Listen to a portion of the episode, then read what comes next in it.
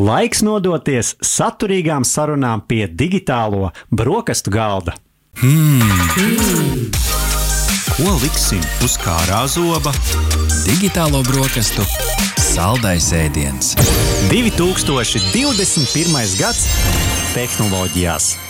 Jā, klausītāji, turpinam skatīties uz aizvadīto gadu tehnoloģijās, un šoreiz apkopojot galvenās tendences, kas ietekmējušas mūsu un pasauli kopumā.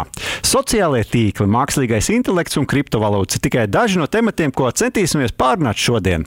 Un ar mums kopā ir divi eksperti un tehnoloģiju pasaules vērotāji. Valsts prezidenta padomniece informatīva Tieva. Labrīt! Kā arī Reinis Zitmans, biznesa tehnoloģija eksperts no itero.eu. Sveiks, Reini! Sveiciens, sveiciens! Un mēs uh, sāksim ar uh, pirmo jautājumu, un, protams, skan bez tā. Uh, kas, jūsuprāt, ir šī gada nozīmīgākās tendences tehnoloģija pasaulē? Jā, nu, grūti jau izvēlēties tādu vienu, un tāpēc, laikam, nebūšu tāda ļoti oriģināla un teikšu, ka tomēr no tā Covid nekur tālu neaiziešu, vismaz šajā gadā, diemžēl. Un, un laikam teikšu to, ka tās tehnoloģijas tomēr ir devušas fantastisku pienesumu arī tajā, ka mums šodien, šogad, tagad ir vakcīnas. Ja, ja mēs atceramies, ka tomēr gada sākumā tā bilde bija pavisam savādāka, un, un tās iespējas, kā, kā izārstēties, tā būt vakcinētam, daudz, daudz drūmākas. Tad jāsaka, skaidrs, ka dienas beigās tas, tas, tas ir medicīnisks ne, injekcija un, un tā ir vakcīna, bet skaidrs, ka tā, mēs pie šīs vakcīnas nonācām pateicoties lielā mērā tiešām šīm spējām tehnoloģiski daudz ko izskaidrot, daudz ko apstrādāt, daudz ko analizēt. Un, un, un par to jāsaka, godīgi, man ir milzīgs prieks. Gribētu teikt, ka tā tomēr ir šī gada lielākā, nozīmīgākā tehnoloģijas teiksim, pienesums no manas skata. Reini, kā izskatās no tavas skatu punkta? Es nu izvēlētos tomēr laikam to, ka šis gads, varētu teikt, ir bijis kosmiskais gads. Tāpēc, kad, ja būtu jānominē kāds gada cilvēks tehnoloģiju jomā, tad es viennozīmīgi teiktu, ka tas ir Ilons Masks. Jā, tāpēc, ka šī gada laikā tas, kas ir izdarīts, Visas šīs te jaunās tehnoloģijas ar raķetēm un viss pārējais, mums ir tik daudz notikumu bijuši gan no visādiem marsiem, gan no uh, tur, viss, katru otro dienu kaut ko var lasīt ziņās par kosmosu. Jā, nu šķiet, ka Ilons Masks ir nominēts arī Times gada cilvēka titulam. Tā kā principā jau Reinis ir diezgan ļoti precīzi, precīzi arī trāpījis. Uh, bet jā, mēs turpinam ar mūsu uh, tendencēm. Varbūt Arti, uh, kā tev šķiet, kas tad ir bijuši tie galvenie tendenci veidotāji? Šeit būs varbūt pāris no tiem pāris tādi ziņu virsraksti, kuri man iekrita tādu tendenci veidotāju kastītē. Viens no tiem noteikti ir mikroshēmu trūkums tehnoloģiju nozarē, kas dažādos veidos mūs ir ietekmējis. Arī šobrīd, gan jau uz Ziemassvētkiem dāvanas gādājot, mēs to izjūtam. Gada otrajā pusē dzirdējām skaļu paziņojumu par metaverse izveidošanu, jeb alternatīvā virtuālā realitāte, nu, kur, tur, kur tur būtu kāds jaunums, kur tur varbūt centieni no Facebook puses nedaudz glābt savu vārdu. To noteikti mūsu viesi arī varētu, varētu īsumā nokomentēt no savas skatu punkta. Taču, ja mēs skatāmies uz tādu Eiropas līmeni savukārt, tad gribētos izcelt arī Eiropas Savienības mākslīgā intelekta regulējumu, kas diezgan skaidri novelk līnijas uh, Eiropā uh, par to, kā mākslīgais intelekts, tīpaši arī uh, cilvēku novērošanā un piefiksēšanā arī uz ielām ar novērošanas kamerām. Tur ļoti specifiski konkrēti, konkrētas līnijas ir novilktas, kurām Eiropas valstis nekāpj pāri. Nu, ja paskatāmies kaut ko mazāku un varbūt nedaudz smieklīgāk, tad atvadījāmies no Internet Explorer pārlūku programmas atbalsta šī ikoniskā šeit pārlūku, pārlūku programma, kur es nešu nešaubos, daudz vēl izmanto. Šobrīd ir atvadījusies no mums. Tā, savukārt eh, sveicinājām Windows 11, kas Windows lietotājiem eh, varētu būt, eh, varētu būt interesants pavērsiens. Pats jau es esmu pamēģinājis. Reini, varbūt tev ir sanācis jau pamēģināt jaunu operētāju sistēmu, varbūt kāds komentārs par manis minētajiem trendiem, jeb tendencēm. Es tev teikšu, godīgi, es esmu abolīšu lietotājs, ja, un, un nu jau diezgan daudzus gadus, bet ikdienā, protams, sanāk saskarties un arī ar kolēģiem aprunāties. Teikšu, ka ir atsauksmes, ir tīri labas. Atsauksmes ir tīri labas. Es pats neesmu lietojis vismaz ne tik ilgi, lai es varētu izdarīt savu, savu spriedumu vai verdiktu par to, bet atsauksmes esot labas. Es Kā Reini ir ar mikroshēmu jautājumu. Vai tavuprāt šī te ir 21. gada sērga vai arī šis pārnesīsies uz jauno gadu? Es sapratu tavu jautājumu. Ja es pareizi kaut kur lasīju, tad pasākums tiek prognozēts vēl vismaz uz 20 mēnešiem. Un līdzīga situācija esot bijusi 2007. un 2008. gadā, kad arī bija mikroshēma trūkums, kuru toreiz gan mēs izjutām mazliet mazāk. Bet uh, gan Covid ietekmē, gan transporta plūsmu, loģistikas izmaiņās, gan arī šī, šajā mikroshēmas un vispār šis gads ir bijis pavērsiena gads, kad ražotāji, jo īpaši lielie pasaules ražotāji, ir spiesti pārskatīt ļoti daudz ražošanas procesus. Un es ticu, ka tas ietekmēs to gan kādas preces tiek vairāk ražotas, kur viņas tiek vairāk ražotas, kur tas viss tiks komplektēts un cik tad mums kā iedzīvotājiem patiesībā vajag.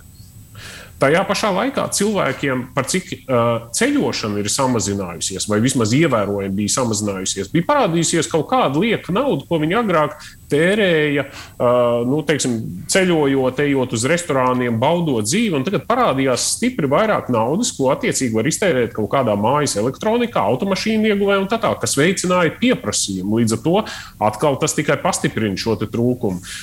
Bet jā, mikroshēmu trūkums ietekmē ārkārtīgi daudz nozares un nu, prognozēja, ka tas tik ātri nebeigsies. Kad vēl vismaz gads, ja ne divi, mums ar to būs jāsadzīvot.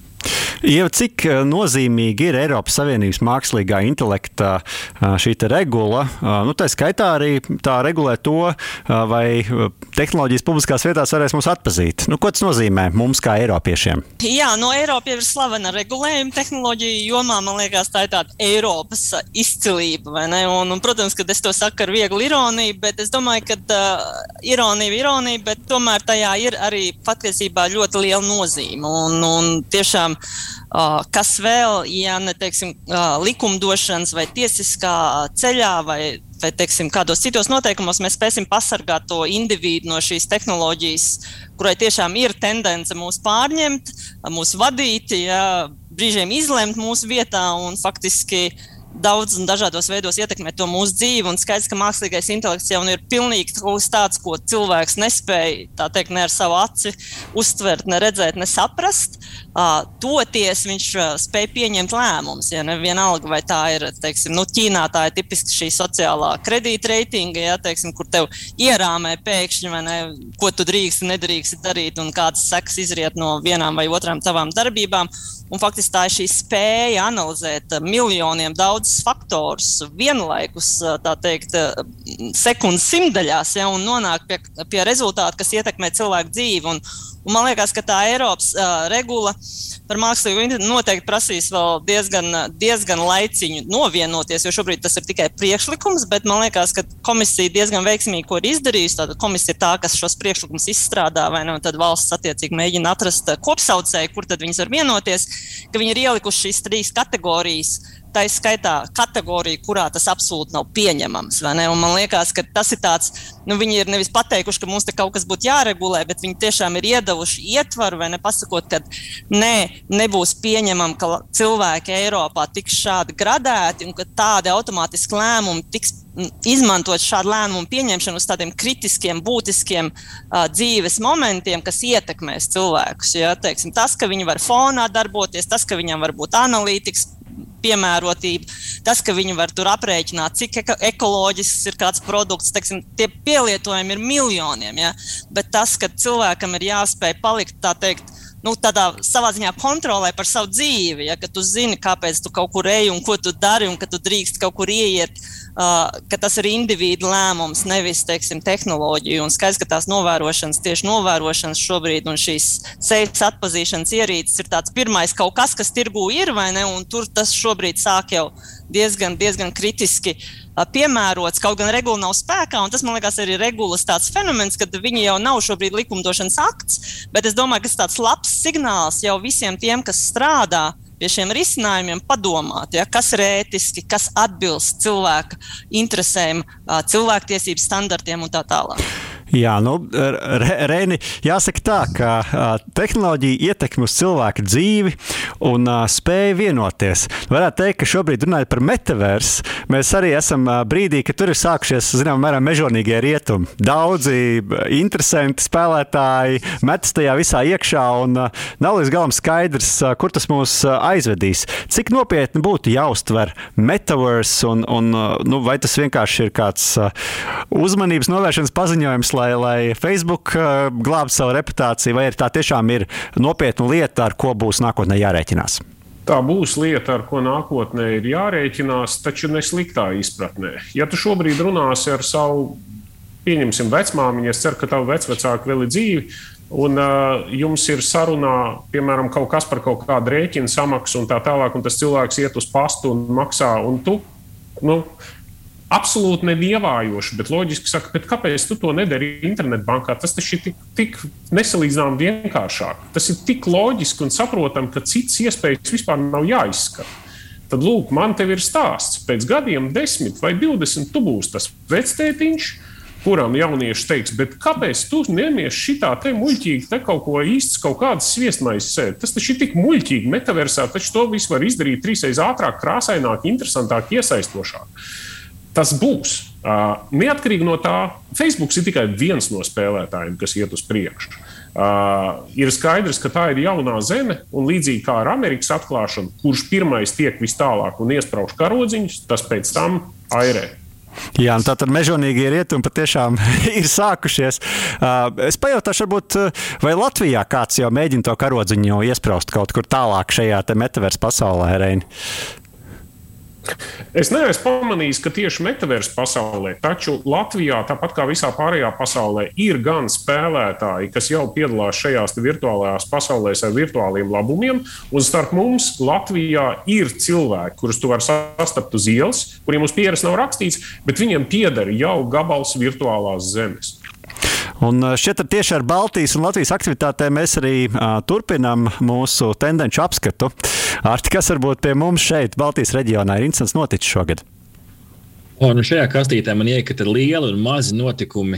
Tie stāsti ir daudz un dažādi. Skaidrs ir tas, ka jaunu uzņēmumu radīšana pie mums šogad neapstājās. Man ka tikai uzņēmuma apgrieziens cilvēkiem aprodot ar digitālo vidi un šie digitālie hackathoni un konkursi ir notikuši neviens vien visiem, kam nav slinkums, taisa hackathons, bet tiem ir arī panākumi.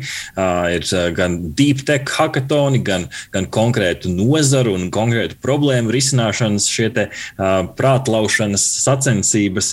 Um, skatoties varbūt uz, uz kaimiņu valstīm, no pilnīgi citas operas, uh, mūs saviļņoja uh, tehnoloģija pasaule, saviļņoja Lietuvas paziņojums par Ķīnā ražoto vietāruņu, nu, varbūt nerekomendēšanu, uh, kas, kas radīja jautājumus. Tad atkal bija būtisks jautājums, vai mūs izseko, vai mūs noklausās. Galīgi no pilnīgi citas operas. Ja paskatāmies šeit atpakaļ Latvijā, mums ir parādījušies taromāti. Es nezinu, kurš no mūsu klausītājiem tos ir izmantojis, bet arī šāds jaunums Baltijas pusē ir. Gada pirmajā pusē tika likumiskā izpratnē sakārtots jautājums par elektroskrējējiņiem. Pie mums šeit noteikti konkrēti ātrumi, braukšanas zonas, kur drīkst, kur nedrīkst. Un, ja atkal paskatāmies uz pilnīgi citu tēmu, tad man šeit iepriecinoši bija Riga Tegirls, šī, te, šī te, ne akcija, gluži, bet, bet mācību programma, kas aicināja īpaši iesaistīties grūtībās nonākušas sievietes, tīpaši šajā attālinātajā laikā, kad digitālā pratība bija, bija īpaši būtiska, tad liels, liels skaits sieviešu šajā programmā pieteicās, kas ir ļoti būtiski, jo IT pasaule tā nav tikai vīriešu pasaule, tā ir atvērta pilnīgi visiem. Bet, ja no manas puses šādi augļu salāti, no vienas puses varbūt mūsu viesiem, Reinim un Ievai, ir vēl kādas lietas, ko gribētos izcelt tieši no Baltijas skatu punkta. Ieva, sāksim ar tevi. Jā, nu man liekas, ka te jau daudz, daudz tika iezīmēts. Man personīgi bija prieks par lieliem uzņēmumiem, kas tiešām ir pakāpušies vēl uz augšu. Ne tāpēc, ka skaidrs, mēs jau daudz runājam par to, kas svarīgs ir šīs mazās iniciatīvas un, un prasmes un, un daudz sociāli svarīgas kustības. Bet man liekas, šie lielie uzņēmumi ir tāds, nu, tāda laba motivācija, uz kuru tu paskaties un saproti, ka jā, mēs varam, vai ne? Tā, tā sevis spēja noticēšana. Tāpēc man liekas, šo uzņēmumu kā Printful un Printify un tas pats Mikrotiks, ja, kas arī turpina augt un um, būt lielāks, tā paša Igaunija panākumi ar vaizu, ja aizejot biržā un, un, un arī tas pats Bolts, ja, kas sev ir kas sev ir arī ir ar vien plašāk izvērsts. Es mazāk pārzinu, jāsaka, godīgi uzreiz lejušu pusi, bet vismaz tas priekšstats par viņu fintech un, un arī teiksim, viņu uzņēmumu potenciālu. Tā kā man liekas, ka pat, man tiešām prieks par šiem. Atsevišķiem veiksmīgiem stāstiem, kas skaidrs, ka nebūtu neiezīmē visu, bet man liekas, ir tāds ļoti labs, motivējošs iedvesmas avots visiem pārējiem. Tā kā es varbūt piemestu to, tos panākumus, kas ir bijuši mūsu uzņēmumiem arī. Reini, kas no tavas puses būtu piebilstams? Jā, nu, uh, es, es ļoti skaidri redzu, ka uh, Latvijā labi sāk strādāt šī komponente, kas aicina, iedvesmo un cenšas savest kopā radošus cilvēkus, lai viņi varētu radīt kaut kādus jaunus uzņēmumus, šos jaunos startupus. Uh, taču tajā pašā laikā mēs saprotam, ka uh, viss veidojās kaut kādās nišās, un ja Lietuva ir pierādījusi sevi, kad uh, no turienes ar vien vairāk sāk parādīties uh, kaut kādas fintech kompānijas un startupi. Uh, Igaunijā tas varbūt ir saistīts ar kaut kādiem transporta pakalpojumiem, uh, arī uh, piegādēm un, un, un, un tam līdzīgi. Tad Latvijā mēs vēl mazliet uh, meklējam šo savu nišu. Tajā pat laikā uh, mēs saprotam, ka uh, nu, to jauniešu un to jauno cilvēku, kas šeit Latvijā to var radīt, viņu ir tik, cik ir. Un tā ir masas spēle, tāpēc ka 90% no jaunu uzņēmumiem uh, neizbēgami izbeigsies, bankrotēs, sekos neveiksmes. Nekas cilvēks celsies augšā, radīs jaunas lietas un tā tālāk, bet tomēr tas apjoms ir mazs. Līdz ar to nesalīdzami, uh, nesalīdzinām liela ietekme būt arī kaut kādām šīm starptautiskām komandām, uh, kuras varētu mēģināt pievilināt, lai, lai, lai mēs strādājam kopā ar, nezinu, ar, ar, ar, ar, ar Igaunu puišiem un meitenēm, Ukrāņu puišiem un meitenēm, varbūt vēl no kaut kurienes mums pievienojas un tā. Tad šeit veidojas problēma, kamēr viena Latvijas puse, Tegēls un vispārējie ļoti aktīvi cenšas veicināt šo sadarbspēju, tikmēr mums ir ļoti daudz regulas un tā tālāk. Neskatoties uz to, ka Latvijā ir ļoti viegli dibināt uzņēmumu, bet ir ārkārtīgi grūti, tīpaši, ja tev komandā ir nerezidents, kas varbūt ir arī uzņēmuma daļa turētājs, vispār atvērt šeit kontu, dabūt PVN numuru un vispār spēt strādāt uz šo Eiropas un pasaules tirgu. Tas joprojām mums ir milzīgs klupšanas akmens, un es neredzu, ka tas tiktu risināts. Jā, nu, mēs turpināsim arī ar diviem viedokļiem par aktualitātēm tehnoloģiju pasaulē tieši Latvijā. Un šeit noteikti ir iezīmēsies tās tēmas, ko mēs jau esam pieminējuši. Mēs sāksim ar Laumu Sīlu no Tekčila par tieši par jaunu uzņēmumu attīstību, un arī turpināsim pēc tam uzreiz ar Omniju pārdošanas nodaļas vadītāju Māri Kuļikovski. Lūdzu, divus video! Sveiciens visiem! Es esmu Lapa no Tehča un šodien padalīšos ar trīs, manuprāt, galvenajām aktualitātēm tehnoloģiju un jaunu uzņēmumu jomā. Pirmā pilnīgi noteikti ir Printful piesaistītās 130 miljonu eiro investīcijas, kļūstot par Latvijas pirmo vienredzi, jeb viena miljarda vērto jaunu uzņēmumu. Otrā arī ir saistīta ar investīcijām. Šogad Latvijas jaunu uzņēmumu ir piesaistījuši desmit reizes vairāk investīcijas kā iepriekšējā gadā. Ja 20. gadā tie bija aptuveni 22 miljoni eiro, tad šogad jau ir piesaistīti 202 miljoni eiro un gads vēl nav beidzies.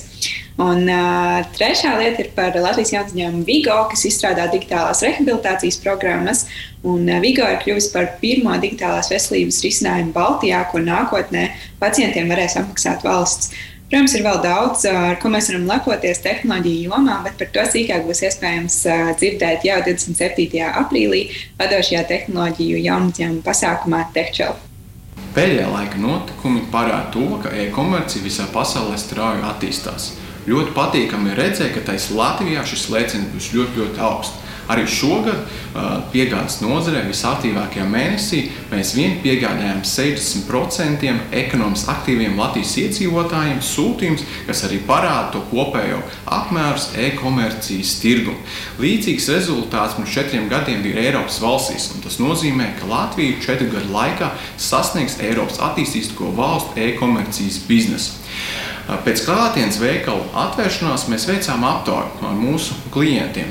Mēs secinām, to, ka pēc klātienes veikalu atvēršanas 47% iedzīvotāji tikpat bieži vai pat biežāk turpinās iepirkties e-veikalos.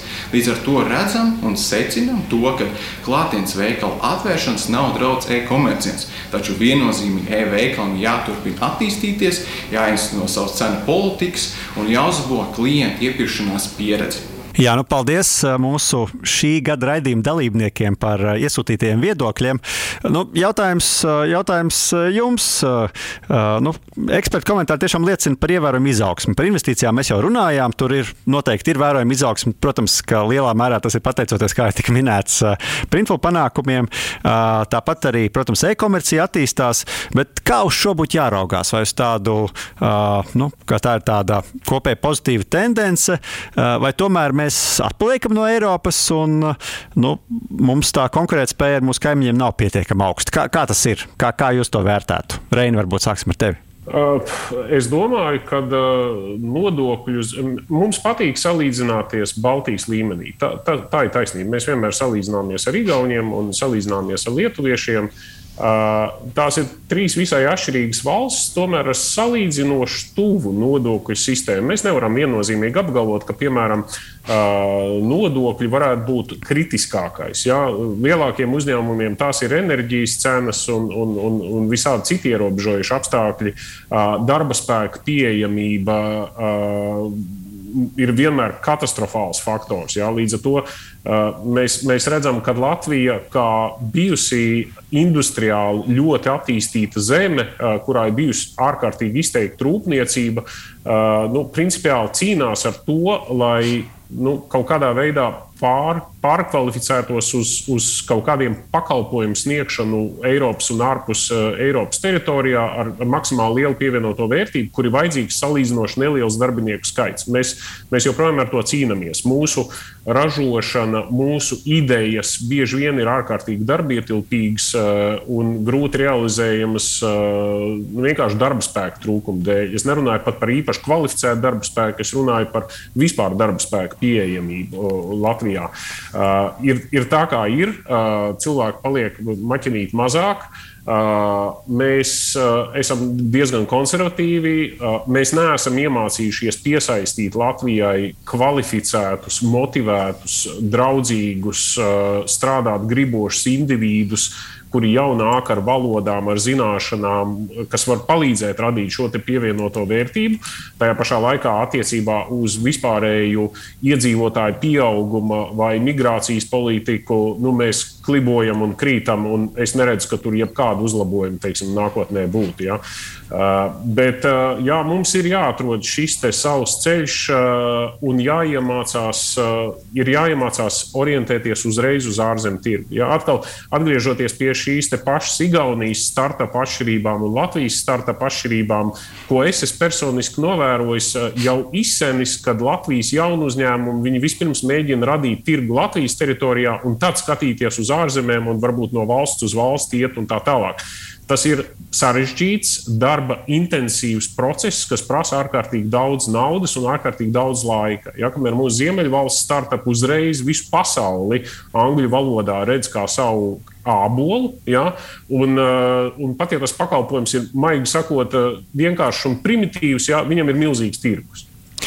Jo vai esam uz pareizā ceļa? Nu, minēju jau, ka ir vairāk šie ļoti labie piemēri, un, un kas, varbūt, kas varbūt ir tas ceļš mums ejams.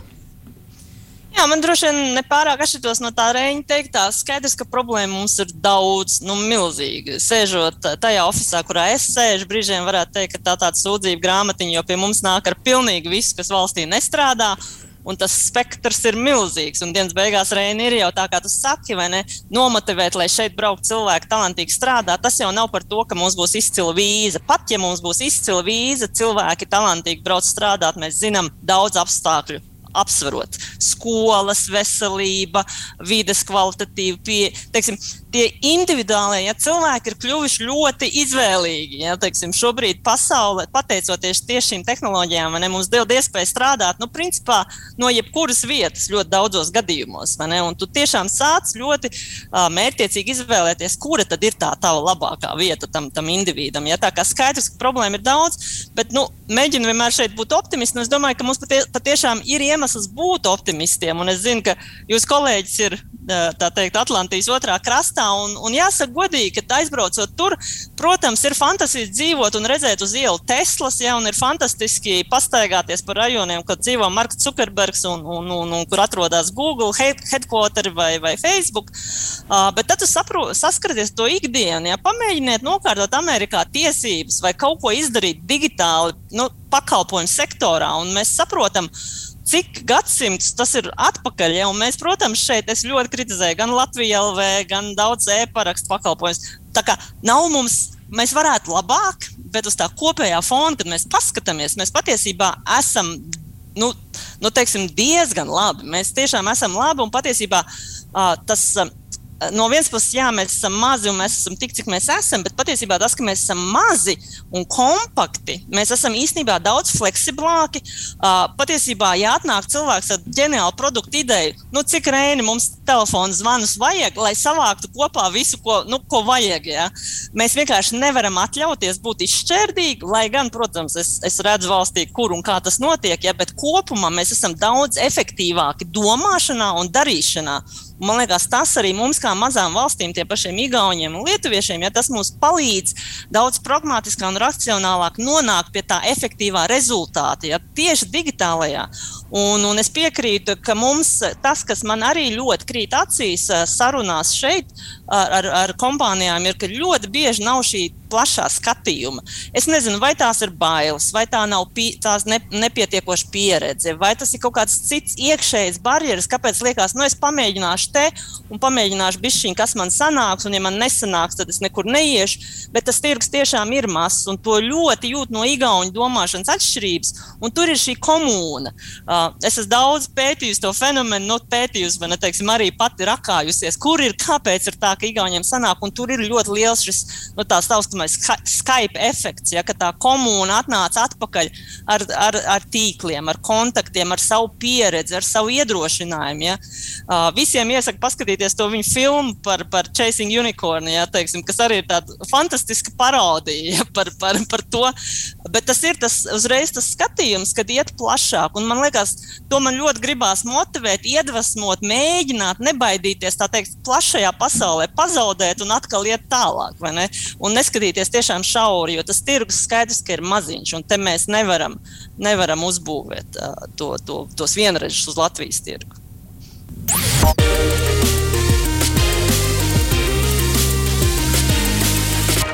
Šobrīd noteikti jāapskatās uz vēl vienu uh, lielu uh, tēmu. Uh, tendenci veidotāji, kas ir sociālo tīklu platformas. Gribās arī pieskarties tām atlikušajās piecās minūtēs, kas mums vēl atlikušas šajā sarunā. Ziņu virsraksti ir bijuši raibu raibie. Tas pats Facebook ir dominējis ar, ar savu pārāvumu, kas daudz šokēja pasaulē, kā var dzīvot bez, bez platformām kādu laiku. Tās pašas apsūdzības par, par šo Instagram algoritmiem un to, kā tie ietekmē jauniešu veselību.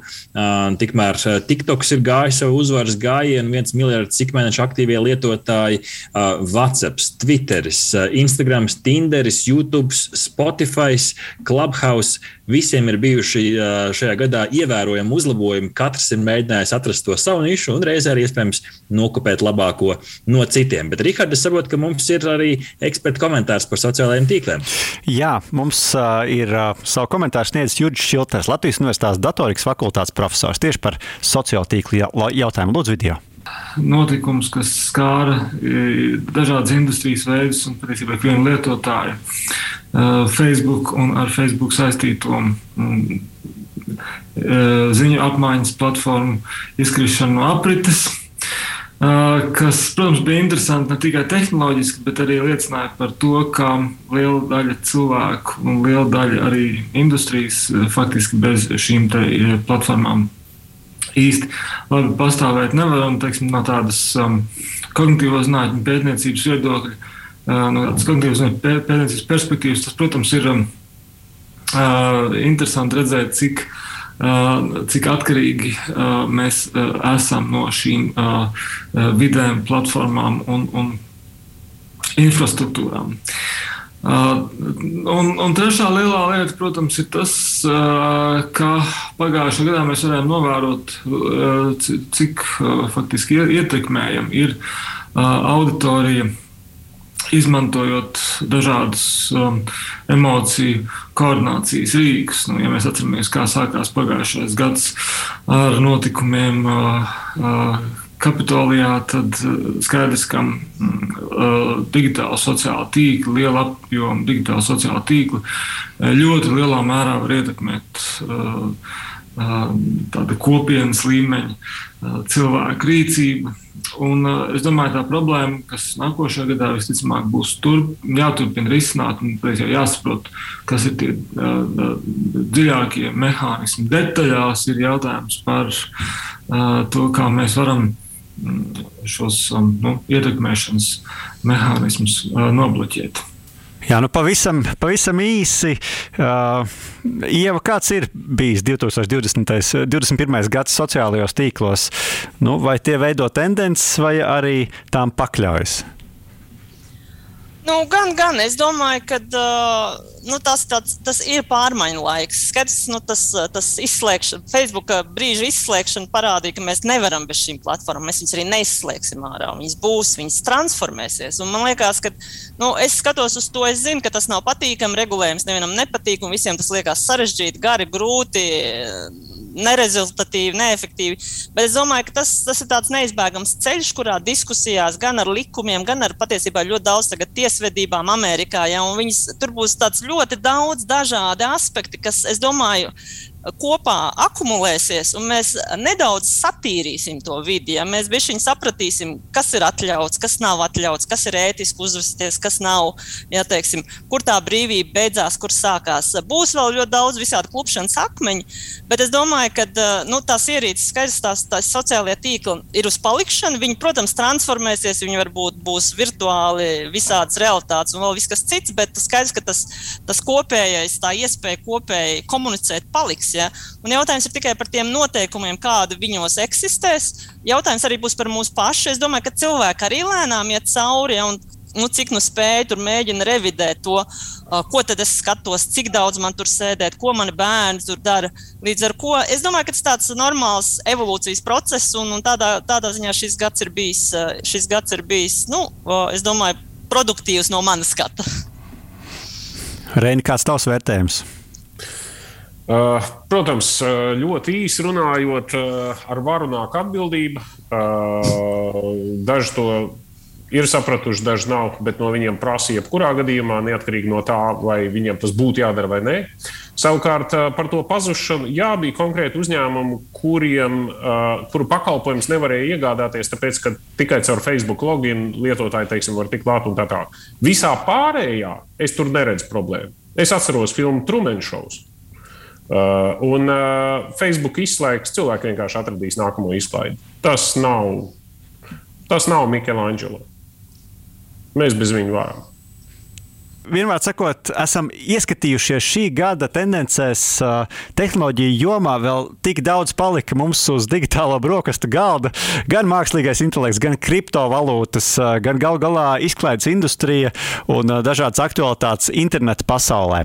Bet mēs no digitālo brokastu komandas puses sakam lielu paldies mūsu šīs dienas ekspertiem, Ievai Ilvesai un, protams, arī Rēnim Zitmanim, kuri padalījās savā redzējumā par to, kas tad bija aktuāls aktuāls tehnoloģiju pasaulē 2021. gadā.